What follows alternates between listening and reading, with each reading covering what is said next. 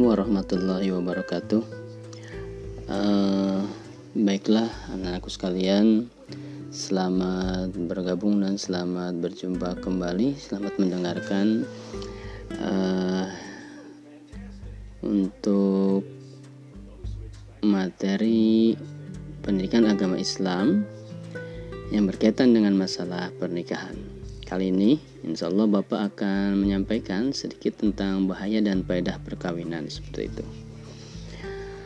Jadi perkawinan itu mengandung lima faedah, di antaranya memperoleh anak, menghancurkan syahwat yang tidak baik, mengatur rumah tangga, membanyakan keluarga dan berjuang dengan jiwa dan raga memimpin kaum wanita. Faedah pertama, tentang anak.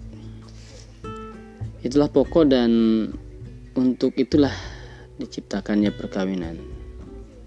Dan yang dimaksud adalah mengekalkan keturunan atau melestarikan keturunan supaya dunia ini tidak kosong dari jenis manusia. Nah, adapun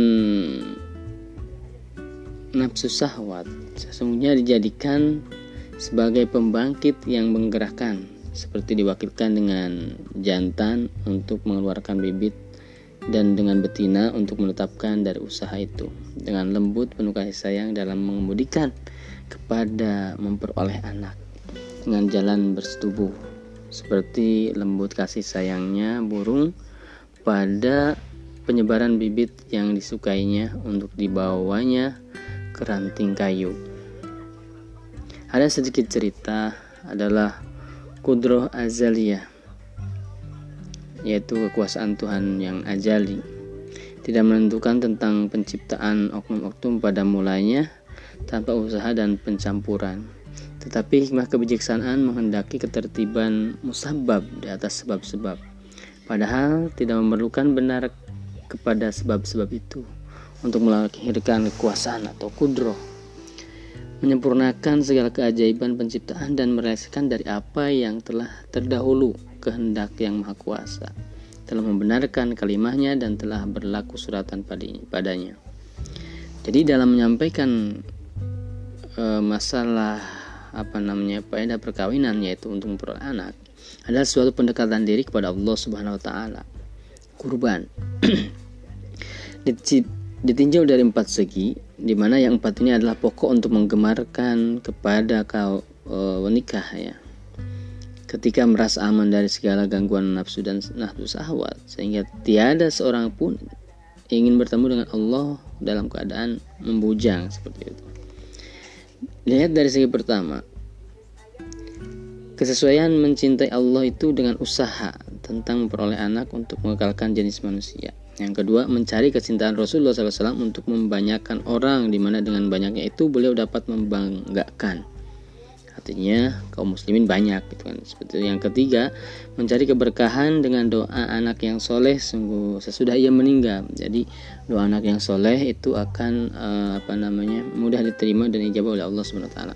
Yang keempat, mencari syafaat dengan kematian anak yang masih kecil apabila anak itu meninggal sebelum ia meninggal.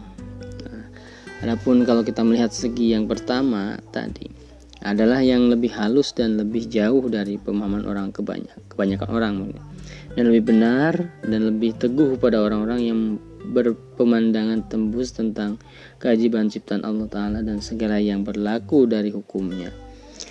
Nah, jadi penjelasannya bahwa seorang tuan apabila menyerahkan kepada pesuruhnya atau budaknya bibit dan alat-alat pertanian dan disediakannya gub bertani dan diserahkannya kepadanya orang-orang yang akan bersama-sama mengerjakan pertanian itu.